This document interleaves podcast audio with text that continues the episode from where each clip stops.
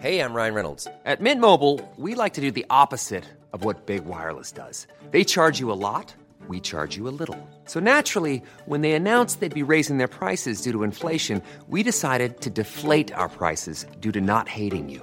That's right. We're cutting the price of Mint Unlimited from $30 a month to just $15 a month. Give it a try at mintmobile.com slash switch. $45 upfront for three months plus taxes and fees. Promo rate for new customers for limited time. Unlimited more than 40 gigabytes per month. Slows. Full terms at mintmobile.com.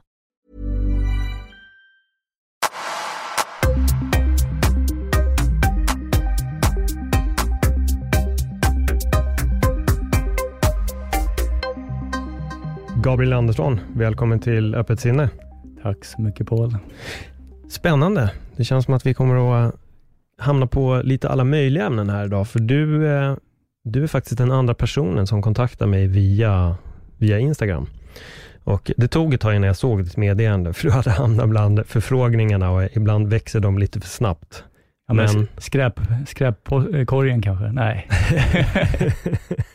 Nej, men lite så, men det är lurigt det där med Insta, för att alla meddelanden hamnar på lite olika ställen och vissa gånger så får jag så mycket, bara att folk säger en, gör en reaktion, så blir det ju att det blir, då faller allting bara ner i, i en lång lista. Men, men du, till, till och från... du hittade mig till slut, jag är glad ja, för det. Ja. Nu sitter jag här. Exakt, exakt. Men eh, det handlar ju lite om träning. Du mm. har någonting som heter Holistic Rebels, Precis, jag och min fru har startat ett företag som heter Holistic Rebels, holisticrebels.com.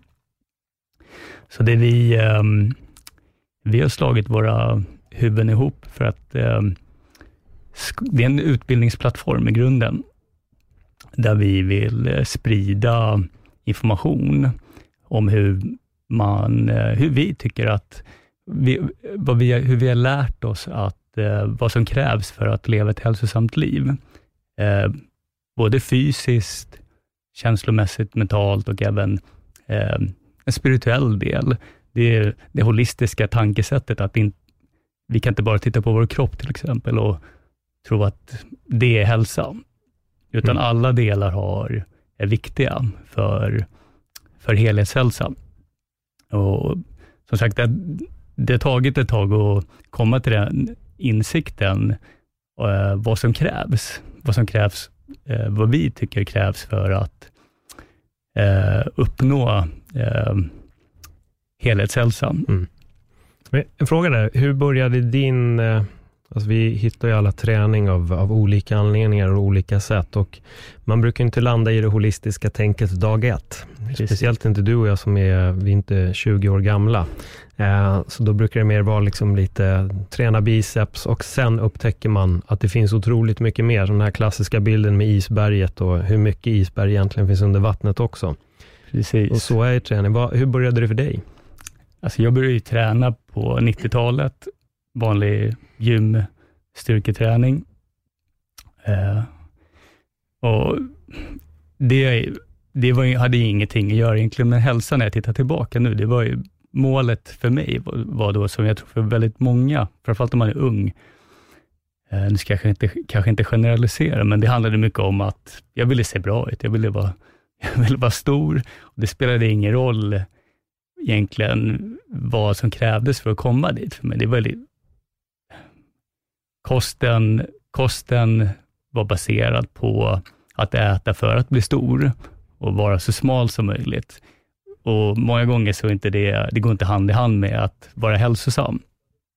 Framförallt på 90-talet, om man tittade på vad som rekommenderades för att äta för att, eh, för att vara smal. Det var mycket, det var liksom äta um, det var, det var mycket det här GI-tänket, att äta mycket, mycket protein, du ska inga kolhydrater, det ska vara eh Eh, mycket så här sukralos och sånt där. Det var, jag levde ju liksom på eh, sötningsmedel. Var det. Men i alla fall, det, det gick en lång period att träna på det här sättet. Och jag, tyck, jag tror folk tyckte att jag var hälsosam, jag tyckte jag var hälsosam, men jag visste någonstans innerst inne att jag, fokus var inte på att må bra fysiskt och hälso, hälso, vara så hälsosam som möjligt, utan det var att jag ville se bra ut. Jag, er, jag, vill inte, jag kunde inte erkänna det för mig själv då, men nu när jag tittar tillbaka så visste jag att det var det. Jag ville vara stor. Jag var, jag var ganska osäker i, i mig själv som kille. Var jag. Eh, sen kom jag till ett läge där eh, jag träffat min fru, vi hade varit ihop ganska länge. Vi bestämde oss långt in i vårt förhållande efter vi hade gift oss, att vi ville skaffa barn. Det här var 2012 var det. Eh, och då började jag inse, okay, men i en sån situation så, så blir det nog ganska naturligt att man skärskådar sitt liv. Var är vi någonstans? Vad, eh, vad vill jag ge för liv till min dotter? Jag vill kunna leva så länge som möjligt. Jag vill eh, kunna vara en bra förebild till henne. Då blev det, det startade en resa, att okej, okay, hur eh, vad är hälsa? Hur lever jag så hälsosamt som möjligt? Eh, och det har varit en ganska lång resa att komma, och komma till den insikten jag tycker jag har nu. Eh, men bland annat så blev det väldigt tydligt för mig och min fru att okej, okay, vi hade mycket bagage med oss från vår barndom, vår uppväxt, eh, känslomässigt bagage som eh, vi inte ville lägga på vår dotter. Eh, det var eh, en, stor, en stor del, men även liksom hur vi fysiskt levde vårt liv. Att jag kände, okej, okay, jag kan inte, sättet som jag tränar på, sättet som jag äter på, det, är egentligen, det har ingenting med hälsa att göra. Eh, så jag började djupdyka, liksom, okay, men vad, vad kräver kroppen för att eh, eh kroppen näringsmässigt, eh, då började jag inse, okay, det är en ganska komplex fråga. Jag, jag vet inte riktigt vad, det, vad som krävs. Det, det krävde väldigt må, många år av att eh, studera och fundera och titta på vad det är som egentligen, vad det är som funkar.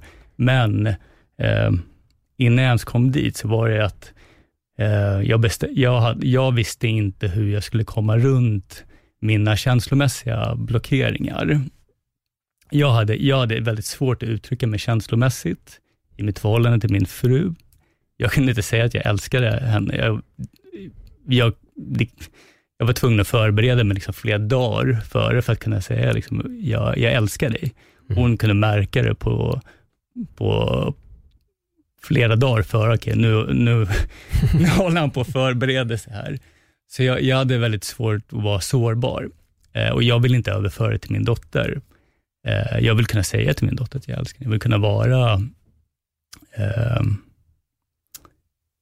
uttrycka mig känslomässigt.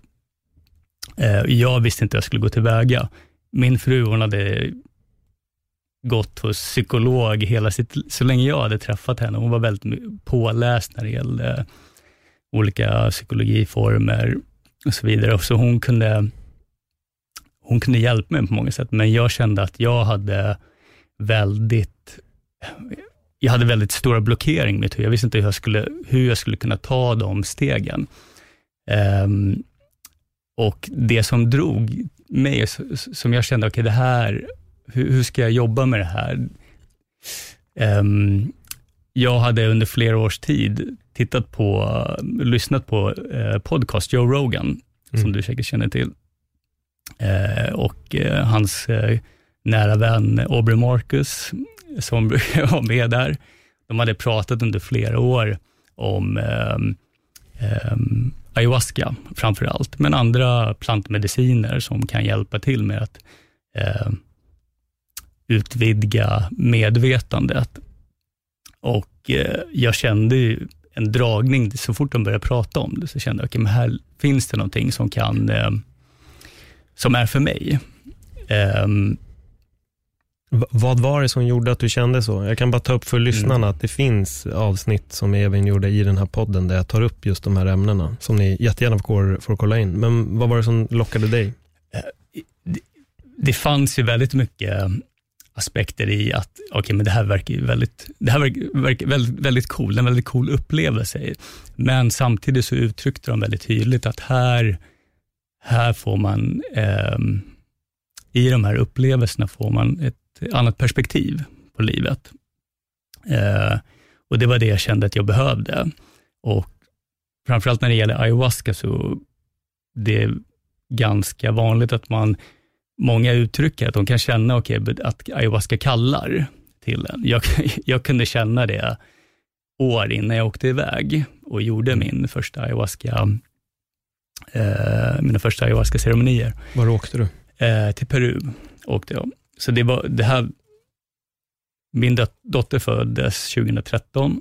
Eh, vi började prata om det här redan 2012, jag och min fru. Och hon var, jag, jag kan säga så här, jag, min bakgrund till, jag har alltid druckit ganska lite. Jag liksom, droger och sånt har varit, jag, all, alla former av droger har jag tittat på, okay, men det här är för knarkare. Eh, så det här var ett jättesteg för mig att ta och sticka iväg och avsätta pengarna, väldigt mycket mm. pengar, avsätta tiden till någonting helt okänt som jag inte känner, vet någonting om. Jag har druckit öl tidigare i mitt liv. Jag har inte provat på någonting annat och ayahuasca ses som, för mig, det är liksom överkursen nu när jag tittar tillbaka. Det är det, det man kanske provar egentligen lite senare i sina eh, utforskningar av plantmediciner. Men i alla fall, eh, jag, jag hade eh, eh, ungefär två års tid eh, innan jag åkte iväg, 20, 2014, början på 2014 åkte jag iväg och gjorde första ceremonierna. Eh, verkligen gjort all efterforskning om vad, vad är det här för någonting? Hur funkar det? Vilket ställe kan man åka till? Ehm, och även just gått igenom, man kan säga, min fru var inte direkt för det här. Hon har, hennes familj har, delar av hennes familj har historier av alkoholmissbruk, drogmissbruk. Och hon hade kanske lite svårt att förstå att jag ville iväg på det här. Eh, jag hade lite svårt att förklara också, men jag, jag hade en väldigt stark känsla, okay, men det här är, jag vet inte hur jag ska kunna komma vidare bortom mina känslomässiga blockeringar. Um, så det slutade i alla fall men hon, jag, jag fick åka iväg, men hon var väldigt rädd liksom, på vad som skulle hända där borta och hur skulle jag bli, var jätteförändrad när jag kom hem därifrån.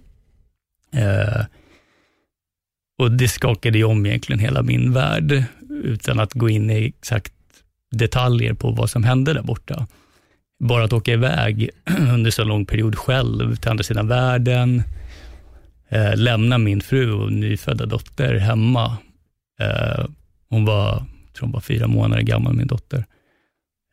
Um, Får jag fråga dig, vad sa omgivningen när du gjorde det? Ja, det, var, det ju, kan ju vara väldigt känsligt. Ja, men framförallt då, nu, kanske, nu känner väldigt många fler till det. Mm. Men det här var, när jag bestämde mig, det var 2013. Um, ehm, jag vågade inte säga till, min familj visste liksom inte om, min mamma och syster och de, de, jag gav dem några kryptiska... jag ska iväg på lite ceremonier i, i Amazonas. Mm. Um, men när jag kom hem sen så blev det ju ganska påtagligt att förändringen som hade skett i mig, um, det är inget magiskt piller, men det startar igång någonting. Gör det. det startar, startar någonting hos mig som Um, det har varit en lång process. Jag håller fortfarande på att um, bearbeta det som, det som har hänt där. Mm. Och jag har varit på flera ceremonier efter eh, 2014. Um, men um, som sagt, det, det gav mig ett annat perspektiv på livet, vad livet kan vara. Jag fick uppleva, jag fick det som en kompass till, okay, här, det här är riktningen jag behöver ta i mitt liv. Det här är vad,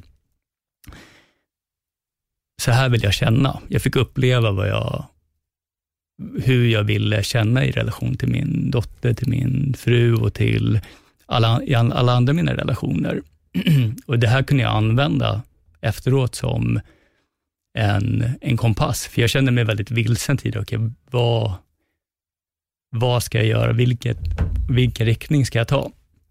Eh, så som sagt, det var ingen magisk piller, men jag kunde ändå ta ett steg i rätt riktning efter detta. Jag hade min fru, som liksom hon har en bakgrund genom, av um, um, psykoterapi och så, så vidare, så att hon, hon, hon, hade, hon var rätt person liksom att kunna bolla med sånt som dök upp efter, i efterhand. Eh, men det startade upp väldigt mycket saker hos henne också, när jag började öppna upp mig känslomässigt. Då fanns ju hennes eh, bagage där också och hennes eh, triggers, hennes trau trauma som hon har haft, det triggades också. Eh, det slutade med att hon också åkte iväg. Ehm, hon har också gjort ayahuasca. Eh, det slutade med att stora delar av min familj, nu många år senare, av, jag, ska, jag ska säga att hela min familj har varit iväg ja. och gjort det. Uh, det har varit väldigt tydligt hur det, hur det förändrade mitt liv. Jag har gått ifrån att vara en person som aldrig pratar om känslor, uh, till att jag uttrycker mig hela tiden om känslor. Och jag, mycket lätt. Jag, jag, min fru hade aldrig sett mig gråta tidigare, liksom under hela vårt förhållande. Nu, alltså jag gråter hela tiden framför den. Så det här var ju liksom en, det här fick, fick igång um, en känslomässig sida hos mig som har varit väldigt undantryckt. Men det fick också igång uh, en, en en självkärlek till mig själv, som jag tittar på med, mina egna beteenden mot mig själv, och som inte funkar i mina beteenden mot mig själv känslomässigt, men även liksom hur jag tar hand om min kropp. Och Det var så vi kom in i det här mm. samtalet, att eh, hälsoresan, den riktiga hälsoresan började med att titta på, jag fick ett tillfälle att titta på, vad gör jag med min kropp? Och, eh, jag insåg väldigt tydligt, men jag, sättet jag tränar på, sättet jag äter på, det är inte, eh, går inte hand i hand med, med riktig hälsa, men jag vill leva ett långt liv och finnas där för min dotter. Eh, jag hade ganska stora förändringar jag var tvungen att göra. Eh, men samtidigt så insåg jag att okay, jag har inte rätt kunskap. Vad, vad, är, vad är det som funkar och vad är det som inte funkar? Och som sagt, det blev en början där till att vidareutbilda mig. Eh, jag jobbade som IT-tekniker under den här perioden. Jag hade jobbat nästan 20 år inom IT-branschen. Ehm, det var ingenting jag brann för riktigt länge, men jag, jag har alltid varit väldigt intresserad av kost och träning. Men nu fick jag en chans att verkligen djupdyka i hälsoaspekterna i kost och träning. Inte mer, till skillnad mot förut, så var mer att få stora muskler mm och, vara smal. Men, var ayahuascan då typ en katalysator för att få dig att säga upp dig från jobbet och Pre börja söka allt det här? Då? Precis, jag sa inte upp mig från jobbet direkt, men, för jag hade ett väldigt, väldigt bra jobb. Där jag, jag behövde göra, jag, jag är väldigt tacksam för det jobbet. Jag hade väldigt lite att göra. Jag, fick, jag hade en möjlighet att börja studera medan jag jobbade. Eh, så jag, jag började som eh, studera till kost och näringsterapeut och hälsocoach. Det var två, gick två utbildningar samtidigt. Tvåårig kost och näringsterapeututbildning och en hälso, ettårig hälsocoachutbildning eh, parallellt. För jag hade, jag hade ingenting att göra på jobbet. Det var det, så jag kunde plugga distans. Det var jättebra. Um, och under den här tiden då, så, så blev det väldigt tydligt för mig um, vad det är som funkar hälsomässigt när det gäller, jag hade en väldigt stor fokus på det fysiska delen, det var min väg in till hälsa, att hur äter man för att eh, undvika sjukdom? Eh, men i den här resan så började jag också samtidigt inse att det är bara en del av, ehm, av, den här, av helhetsbilden. Kost, kost och hur vi rör på oss, den fysiska delen, den, den behövs. Men du kan äta hur bra som helst. Du kan, äta, du kan röra dig på ett optimalt sätt, men har du toxiska känslor, eh, toxiska tankar eh, och senare kom, kom jag mer i kontakt även med, en, man kan kalla den spirituella sidan, och det spirituella behovet som jag tror, de flest, som jag tror alla människor har lite svårare att definiera, men att alla de delarna eh, måste vara i harmoni för att du mm. ska upp, uh, kunna upprätthålla riktig hälsa. Eh, inom inom eh, näringsbranschen så är det ganska vanligt att man kan se många stora hälsoprofiler som, som är de som um, de lever fysiskt sett på ett optimalt sätt. De äter precis som du ska äta för att upprätthålla hälsan. De rör sig på ett, på ett optimalt sätt, men det slutar ändå med att en 40-årig kvinna får cancer.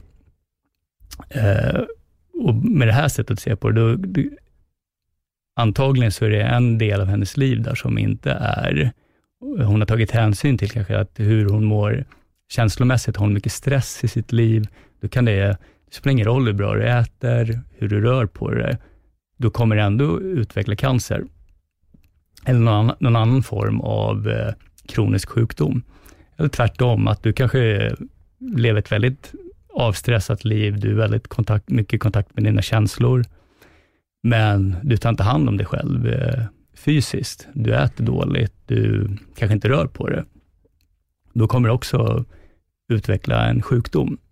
Så det är verkligen eh, att lägga ihop alla delarna. Och det är där utmaningen ligger lite. Att ha, det är svårt nu för tiden att, att ha, ha den kunskapen, men vad är det som krävs för att, för att äta korrekt, för att röra dig på ett bra sätt, att eh, bli medveten om dina tankar, dina känslor, eh, kunna arbeta med dem på ett, på ett bra sätt.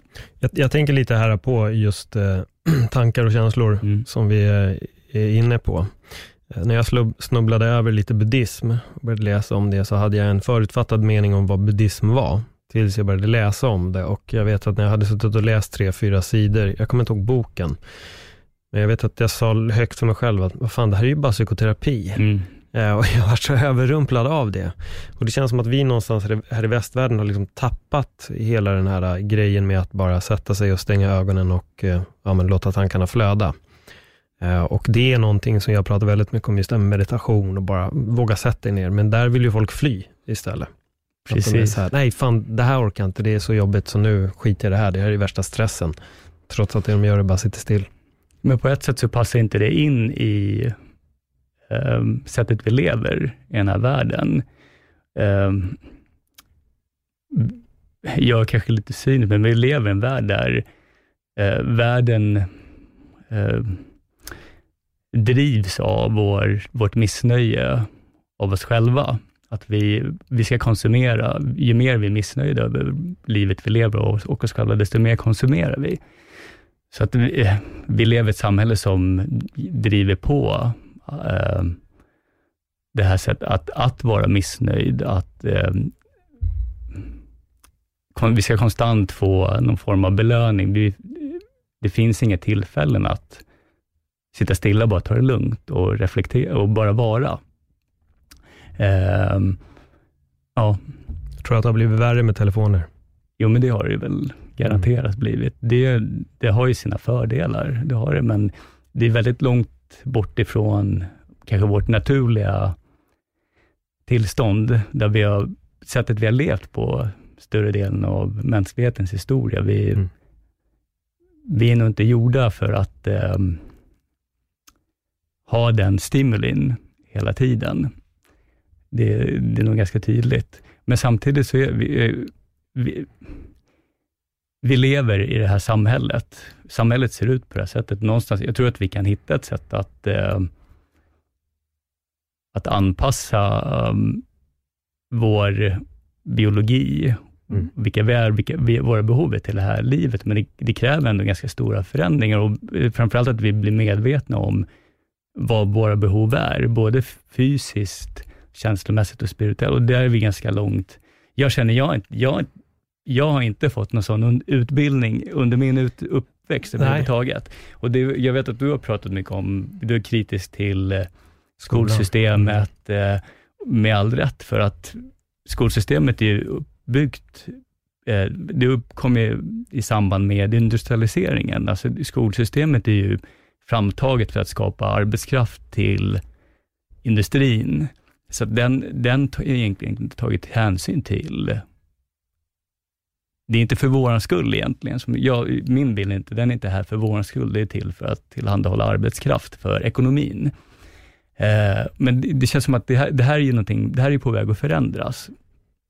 mycket på grund av eh, internet, att Mm. eh, utbildningen, sättet folk utbildar sig på, det håller på att komplett eh, förändras. Så där känner jag, där försöker vi ta en liten plats här, att eh, Eh, vi, tar ett eget vi måste ta ett eget ansvar för vår egen utbildning och det, nu för tiden så finns alla möjligheter att hitta information ute på nätet. Eh, ehm, men det är kanske svårt, det svåra är kanske att hitta den relevanta informationen.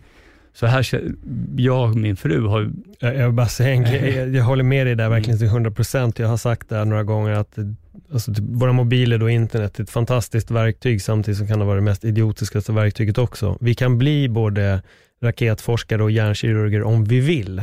Samtidigt som vi också bara kan bedöva oss med så här, det mest korkade av det korkade och bara bli fullmatad av desinformation. Det handlar om de aktiva så här, besluten vi tar i det.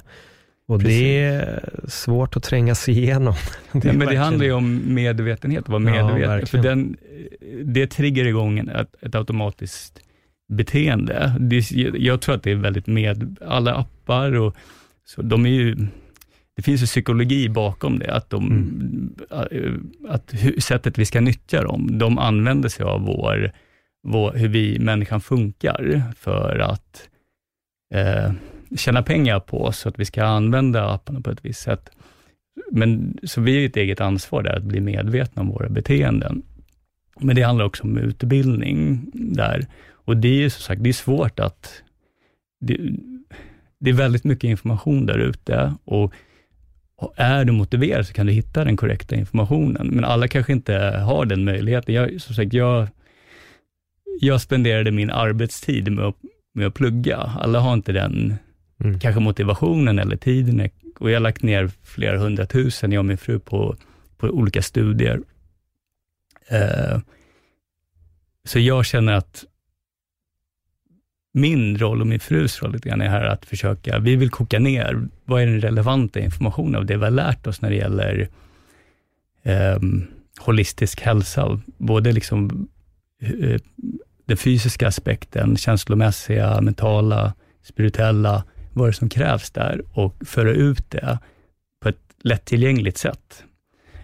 Um, ja, och vi, vi- en stor del av, vi har precis startat vårt företag, men eh, vår, vi vill gärna att det här ska vara tillgängligt för allihopa. Så en stor del av de här utbildningarna vill vi ska vara gratis, att det ska finnas i alla fall, du ska få en, gra, en grund så att du kan, du ska, alla ska ha tillgång till det oavsett hur mycket pengar du har. Det här är den, och det här är den informationen jag skulle vilja ha haft när jag påbörjade den här resan. Att, för jag visste inte var jag skulle börja någonstans. Vad är, eh, vad är första steget?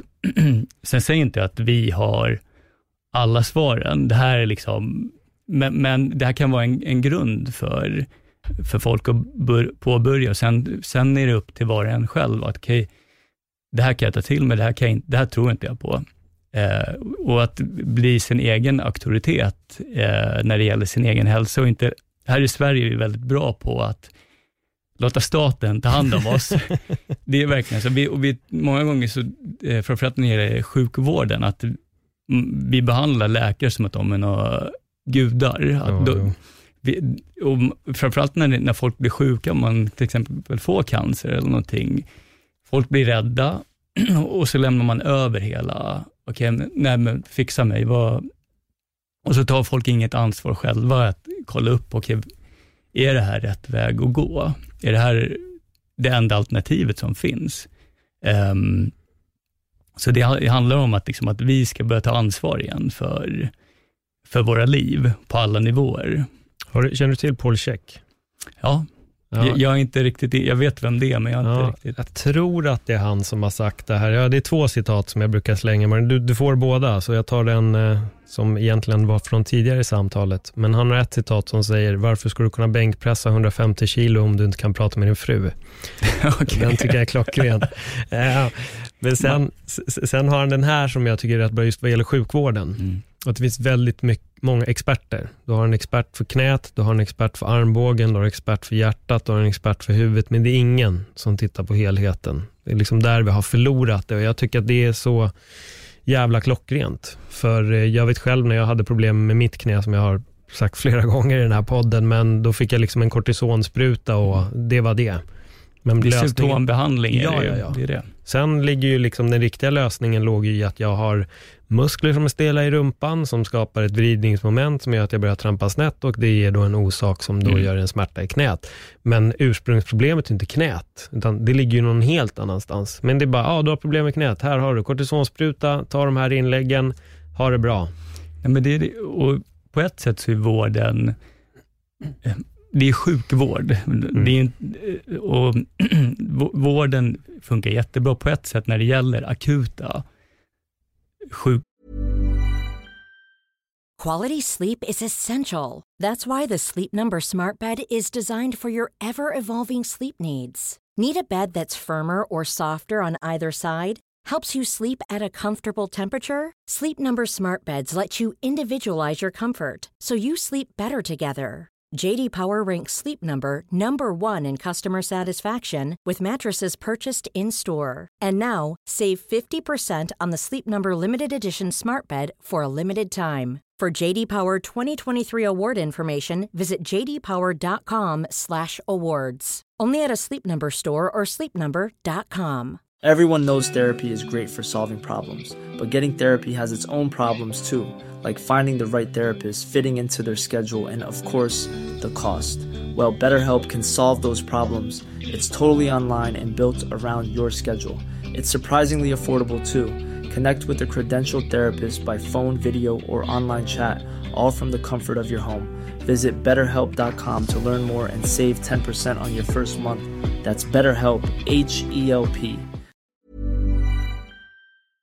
eh, om du har varit med i en olycka eller någonting, då gör du otroliga, ett otroligt arbete. Men för de här kroniska sjukdomarna, vilket till exempel, på ett sätt så är din, det är inget akut, akut problem du har haft, det är någonting som har eh, utvecklats efter en längre period av kanske att du har rört dig eller spänt dig på, på ett visst sätt.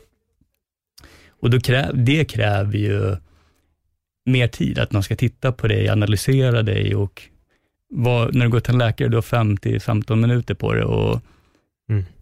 sen är din tid slut. Så vi har ett här rullande bandsystem och, och oavsett om det gäller en, en fysisk skada eller om det är känslomässigt problem eller någonting. Det, många gånger, så, när, man, när väl folk söker sig till vården, så har det gått ganska långt. Och då kräver det ett detektivarbete att titta på som, som helheten. Okej, men det är ett fysiskt symptom, men i grunden så kanske det gör med stress. Eh, och det kräver väldigt mycket kunskap och det tar väldigt lång tid. Och vi har inget system, vårt system, sjukvårdssystem är inte uppbyggt för att hantera det på det sättet. Tror att det kommer kunna förändras? Tror jag, att folk kommer bli tillräckligt vakna för ja, att liksom... Jag, jag, tror att det redan håller på att förändras, men Sverige ett av de sista länderna. Vi är väldigt anti eh, alternativ, alternativa, um, allt som är alternativt, ja. skulle jag säga, Sverige är eh, långt efter. Tittar man till exempel på Tyskland, USA, eh, Asien, Ryssland, där är man mer öppen till eh, eh, komplementär medicin, liksom att man kan mixa ihop saker och ting. I Australien har de eh, nyligen börjat använda sig av eh, aborigin, abor, säger rätt, aboriginal eh, shamaner mm. eh, tillsammans med mm -hmm. sina läkare för att eh, behandla patienter. Så de, de, de ser det här i Sverige, det skulle ju liksom inte det skulle inte ske. Nej. Så vi, här finns det liksom, vi, vi har kokat ner det till att människan är i den svenska sjukvården, min bild av att vi är något mekaniskt, vi är bits and pieces som ska mm. åtgärdas, vi är en bil som ska, okej, okay, eh, vi behöver byta olja på det här. Människan är mer komplex än det. När fick du upp ögonen för det här? Alltså att det, det, för att jag kunde själv vara lite av det här, ska jag säga, naiva tänket att åh, jag har ont i min eh, fot, varför har jag ont i foten?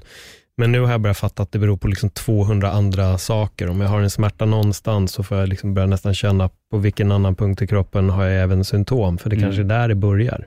När, när liksom kom det här lilla uppvaknandet för dig? Nej, men det handlar ju om, tycker jag, att um, medvetenhet, att, och du måste ha någon form av medvetenhetspraktik för att kunna se vad som, vad som händer fysiskt med din kropp, känslomässigt, mentalt. Så meditation är ju någon form av mindfulness-praktik, tycker jag är bra att ha. Men sen handlar det också även om kunskap att ta till sig, öppna upp sig för att titta, höra vad andra har att säga. Eh, under min utbildning så utsattes jag för väl, folk som har jobbat med alternativ medicin i årtionden och kunde ta till mig deras, där blev det väldigt tydligt, okay, det är inte så enkelt som att det oftast är, har ett fysiskt symptom, så är inte det, det är inte det du behöver koncentrera dig på, du måste titta på en helhet. och många gånger just att det är, till exempel, det är min bild av vad de, de kroniska sjukdomarna, de stora västerländska kroniska sjukdomarna som finns, de baseras på eh, någon form av, eh, oftast eh, matsmältningsproblem. Mm. Och matsmältningsproblem och näringsupptagsproblem och inflammation i kroppen.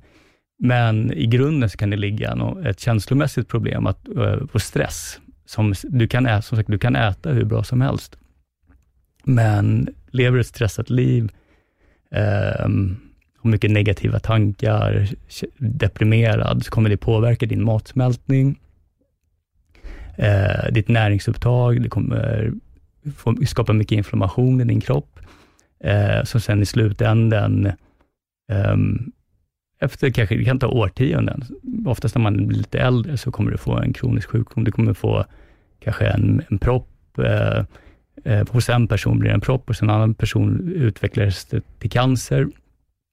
Eh, och där finns det det här sambandet, att du måste se, titta på helheten, att hur påverkar ditt känsloliv och, och din livssituation som skapar stress, eh, ditt näringsupptag. Och Det kan vara tvärtom också, att du kanske eh, är väldigt stabil person, du har ett bra jobb, du stressar inte mycket, men du äter dåligt. Det här, eh, din näringsbrist i slutändan kommer påverka dina dina organ, signal, tillverkning av signalsubstanser och hormoner i din kropp, som du kommer börja må dåligt fysiskt i kroppen. Du kommer, dopaminnivåer, serotoninnivåer kommer sjunka. Du, det kommer eh, skapa att du, okay, du kanske blir lättare stressad, du kommer eh, känna dig deprimerad och det kommer sen i sin tur skapa en loop, att okay, att du är deprimerad, du är stressad, kommer eh, försämra ditt näringsupptag ännu, ännu mer. Och så är du fast i en, i en negativ loop. Någonstans måste man bryta det här. Oftast måste man, när, man, när det har gått så långt, så måste man titta på alla delarna, alla aspekterna av eh, sin hälsa, sin känslomässiga hälsa, sin fysiska hälsa, sin, sitt näringsupptag. Så det, det blir lätt ganska eh, det kan lätt bli komplext, framförallt när det har gått så långt att du har fått symptom. Då kan det vara, lite, då kan det vara väldigt svårt att, eh, det kan bli en väldigt stor uppförsbacke att ta sig upp. Det, och det är där jag, eh, när jag gick min utbildning, så insåg jag att okej, okay, de flesta som är färdiga med utbildningen börjar jobba som näringsterapeuter och tar emot folk som i sista ledet, när sjukvården inte kan hjälpa dem, då går de till en kost och näringsterapeut. De, de vet inte vad de ska göra. Mm. Och Eh, då ser jag som att men då, är inte vi, då är vi fortfarande en del av systemet. Vi kommer inte förändra någonting på det sättet. Jag vill få ut information om hur, hur, vad, är, vad är det som orsakar de här kroniska sjukdomarna. Vi, vi, det har verkligen blivit en epidemi. Två av eh, tre människor kommer få cancer i sin livstid. Liksom det ök, sen 70-talet så eh, mängden cancer mer än fördubblats. Och det, det, vad, vad, tror man att det beror på? Alltså det finns ju så många vänder. Jag har ju min egna teori, det har att göra med sättet vi lever, liksom det är hela, mm. hur hela samhället är uppbyggt. Bland annat hur vi äter och eh, väldigt mycket mer mat är processad mm. nu för tiden. Eh, vi stressar väldigt mycket mer. Eh, familjesituationerna ser annorlunda ut än vad de gjorde. Så det är väldigt mycket som har gått åt fel, man kan säga fel håll. Eh, så det finns mycket att åtgärda, gör det. Eh, ja, så, så det är egentligen att eh, försöka hitta ett nytt sätt att sprida information. Det egentligen handlar om att, få, att folk ska bli medvetna om det här.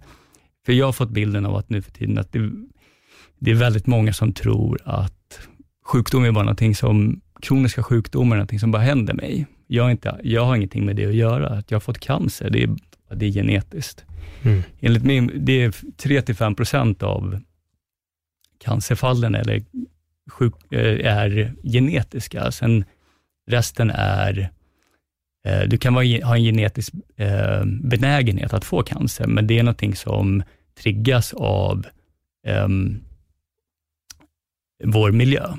Eh, så, eh, det vi äter, det vi utsätter oss för känslomässigt och stress och så vidare. Ett exempel är när jag var 30, det var 2011, så fick jag eh, jag gick till läkaren för jag, ett, ett par veckor, jag, var, jag var helt sänkt, jag kunde inte ens gå upp för trapporna.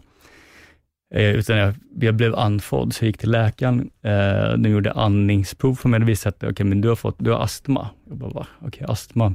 Min mamma har haft astma Eh, i flera årtionden. Um, pollenastma, när det, det mm. triggas av pollen. Min syster fick det också några år eh, före mig. Då började de säga, okej, okay, men det ligger i släkten. Eh, när jag väl började ta hand om min kost och minska inflammation och sånt, det försvann på en gång. Gjorde det. Så att jag kanske har en genetisk benägenhet, det ligger i släkten, och att, att när, när det skapas mycket inflammation i kroppen, att då triggas ast, astmagenen i min kropp. Det är så det, det uttrycket det tar. Men det betyder inte att, att jag måste ha astma om jag tar hand om min kropp.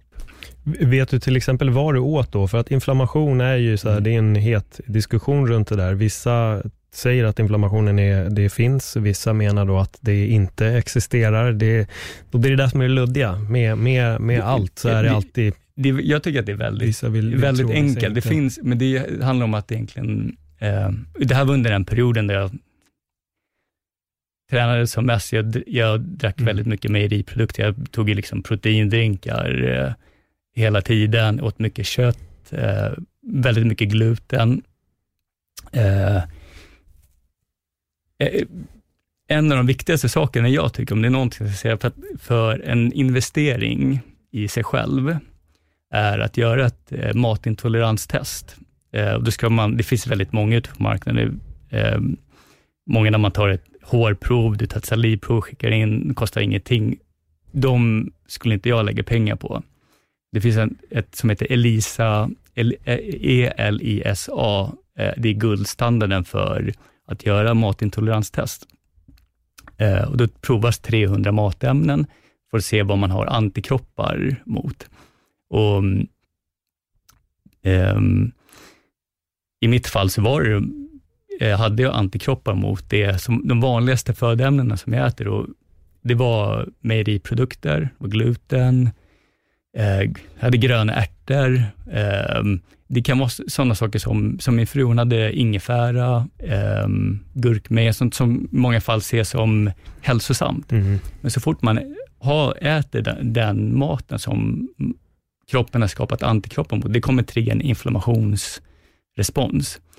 Framförallt om det är sånt som du äter dagligen, som jag åt.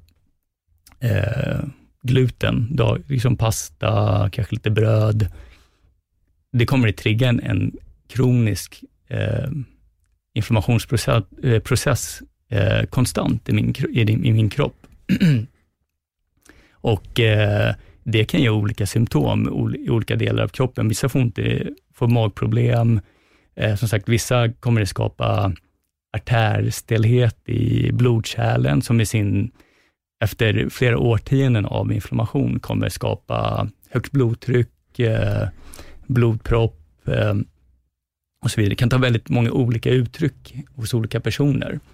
Men som sagt, när, så fort jag, vi började, både jag och min fru, eh, slutade med de ämnena som skapar inflammation. Sen handlar det också om att lä läka magen. Du ska inte bara sluta med det du det du har, som skapar inflammation. Anledningen till att man har inflammation i kroppen, det är att eh, den maten man, man äter, den kommer igenom tarmen. Känner du till begreppet läckande tarm? Ja, ja, absolut.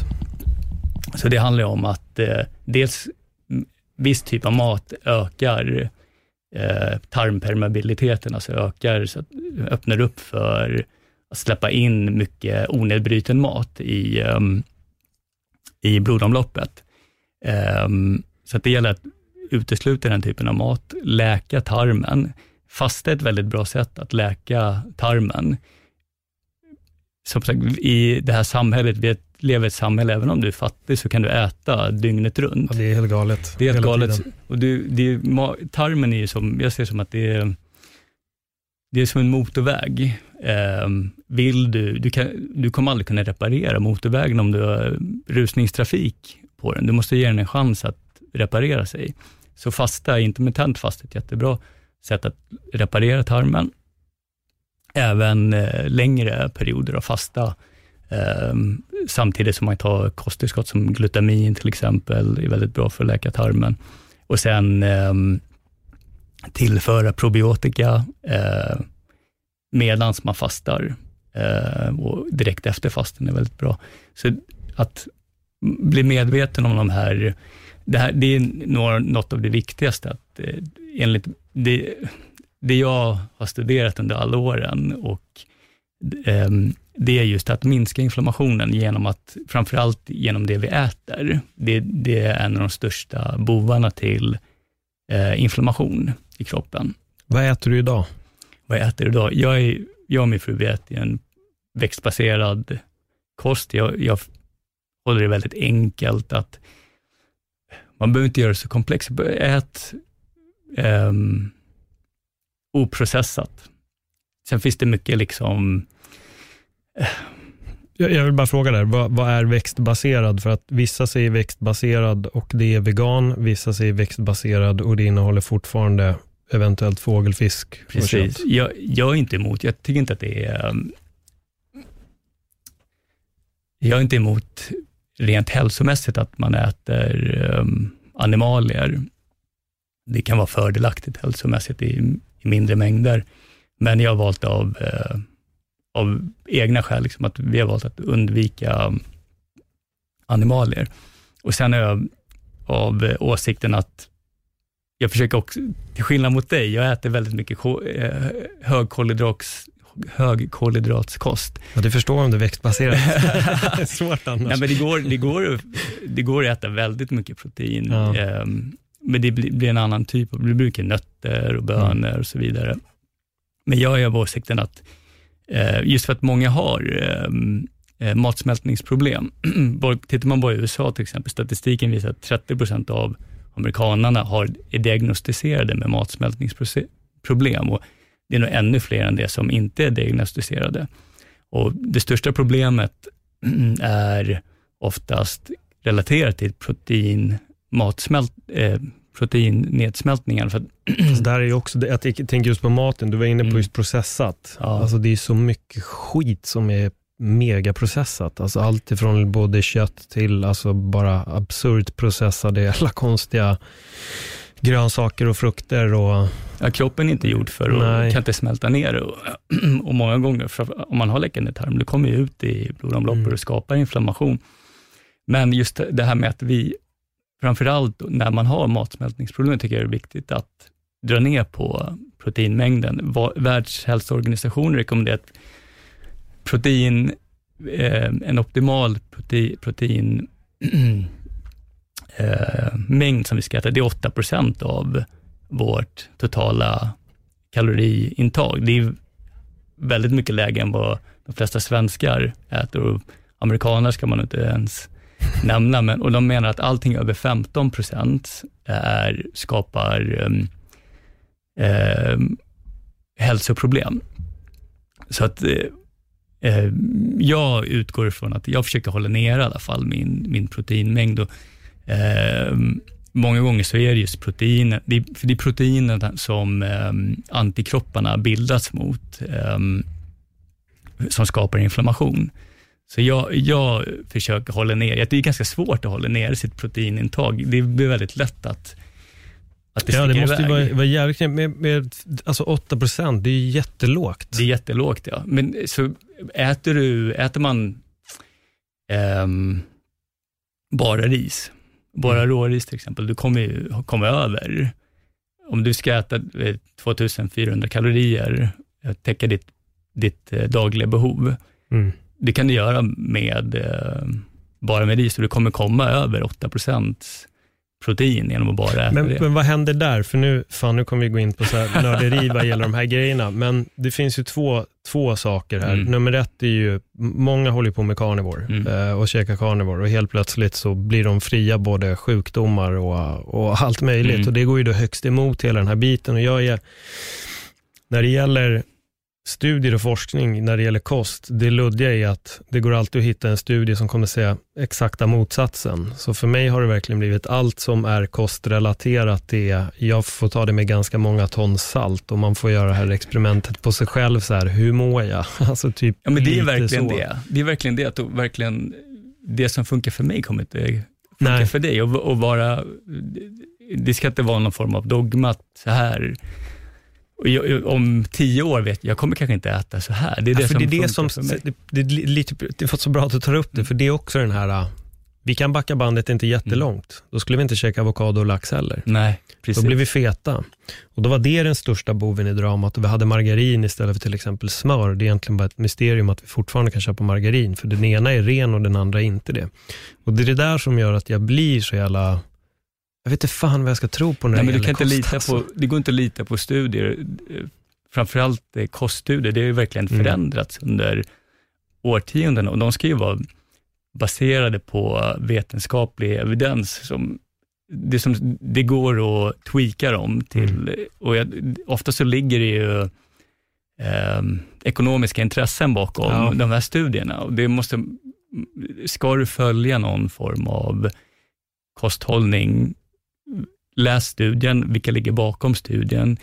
Eh, du, du, men många gånger så blir det så att man köper någonting bara för att okay, men det här passar min, Mm. det är det här jag vill, vill äta, så jag köper den här, den här informationen.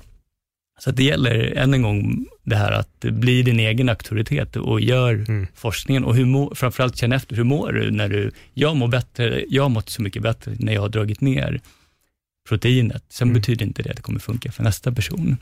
För jag lyssnade på någon, det, var, det handlade just om kost. Och jag tyckte han tog upp en så jävla viktig poäng just när det kom till kost. Och så han det att de studier som görs som inte får fram det resultatet de vill, de släpps inte. Precis. Och det är också det här, uff, okej, ja men det känns ju bra. Så att Nej, men- folk gör forskning och så bara, de når inte resultatet de vill, då, då skiter de i att släppa studien. Det är dels det och sen är det det att kanske det, eh, de släpper studien men de tar bort de Mm. delarna som eh, motsäger det de vill få fram. Mm. Så att det är, mm, ja, det, Det är en jävla knepig värld att försöka få En annan sak apropå det här ja. med studier, det är det här med, ehm, det var några år sedan, jag tror det var en italiensk studie som gjordes, eh, där de försökte återskapa hundra stycken vetenskapliga studier eh, som hade släppts i eh, läkemedelstidskrifter. Och då, och då hade de tagit, till och med tagit hjälp av de forskarna som var delaktiga i de initiala studierna och de lyckades bara återskapa 39 procent av Ja. samma resultat. Det är galet. Så det visar någonstans att det går inte, det går inte att förlita sig på det. Det, det, det är ingen... Eh, om man säger vetenskap, då är det som att det är, det är fakta, men det är inte, det är inte fakta. Nej, för det är något jag har reagerat på med kost. Jag har gått som åt ditt håll, fast ändå inte. Men att verkligen att allting ska vara så oprocessat som Mm. möjligt. Jag äter fortfarande både glass och godis och eh, pizza och hamburgare hit och dit vid tillfälle, men jag försöker ändå, om jag gör någonting hemma, så är det superviktigt för mig att det är alltså ekologiskt, käkar jag kött. Om jag köper hem kött, det är bara naturbetat. Mm. Jag köper aldrig från någon bara slumpmässig matvarubutik, gör jag aldrig mer alltså. För även där ser vi de otroliga skillnaderna på innehållet och detsamma gäller ju grönsaker. Jag vet bara när jag kikade tomater hos min farmor i Spanien, som hade odlat dem på bakgården. Jag bara, "F- vad är det här? Nej men de är bara odlade där bak. Nej, men det är två helt olika saker. Ja, ja. Köper du en tom... Eh, jag, jag har läst väldigt mycket om det, här, men att senaste årtiondena, 40 procent av världens odlingsbara mark är Mm. näringsmässigt eh, utarmad. Det finns ingen näring i den.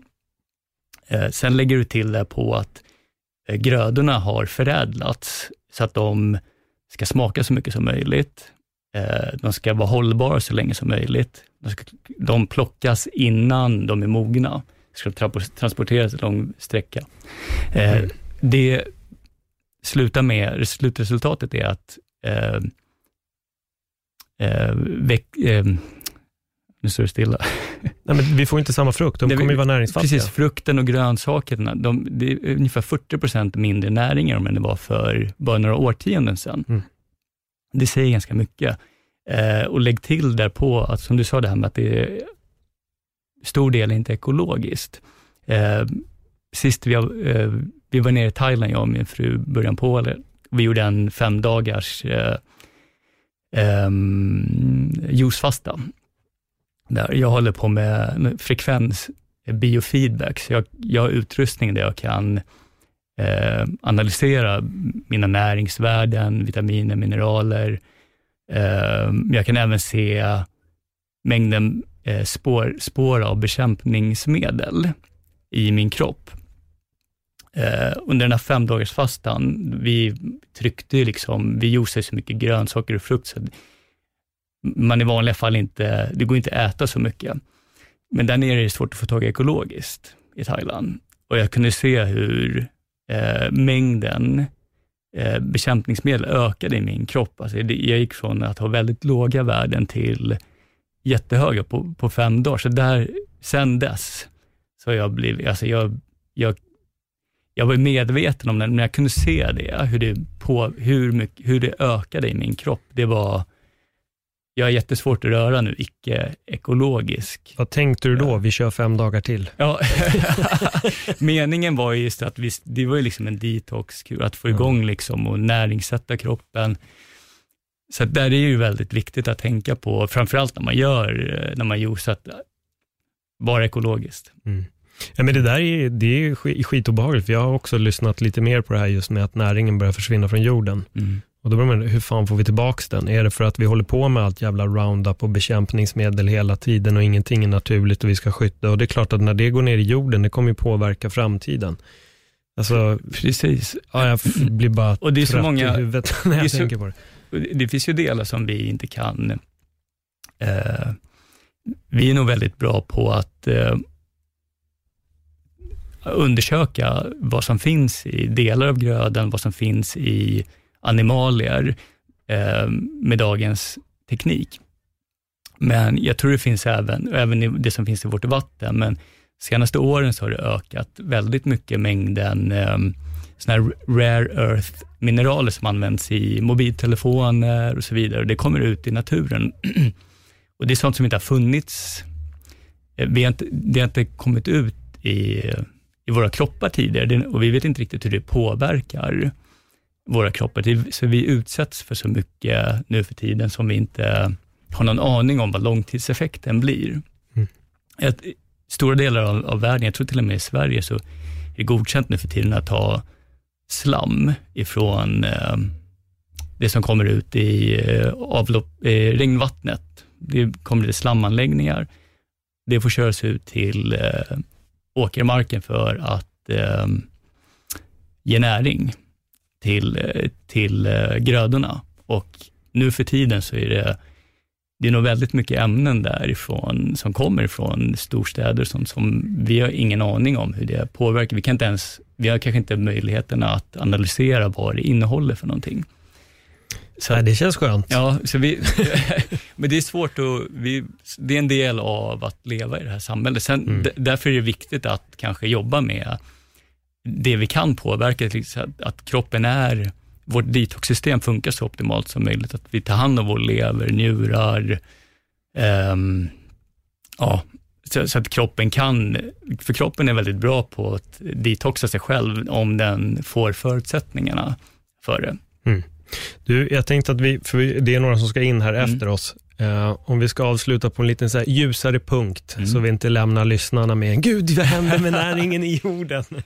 Uh, så jag ger dig friheten att lämna med ett så här skönt, härligt, positivt råd mm. till, till de som har lyssnat och du får välja precis vad du vill. Nej, men det, det går verkligen att eh, med kunskap och om man tar ansvar för sin hälsa så kan du, trots att vi lever i den här världen, så kan vi må bra vi kan frodas och må bra, men det handlar om att vi tar ett eget ansvar för vår hälsa på alla nivåer. Mm.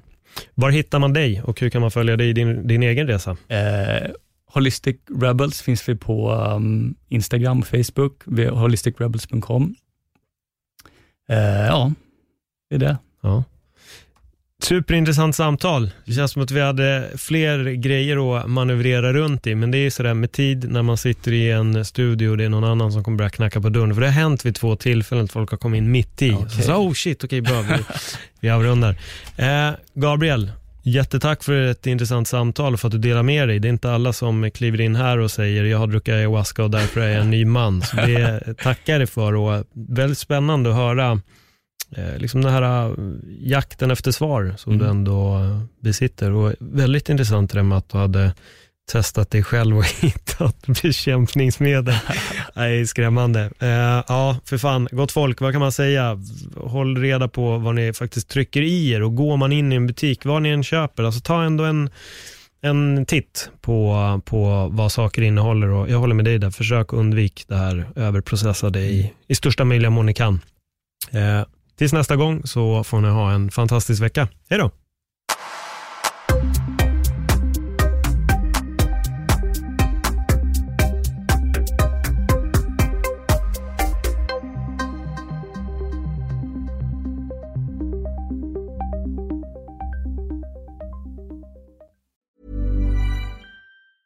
Hey, it's Paige DeSorbo from Giggly Squad. High quality fashion without the price tag. Say hello to Quince.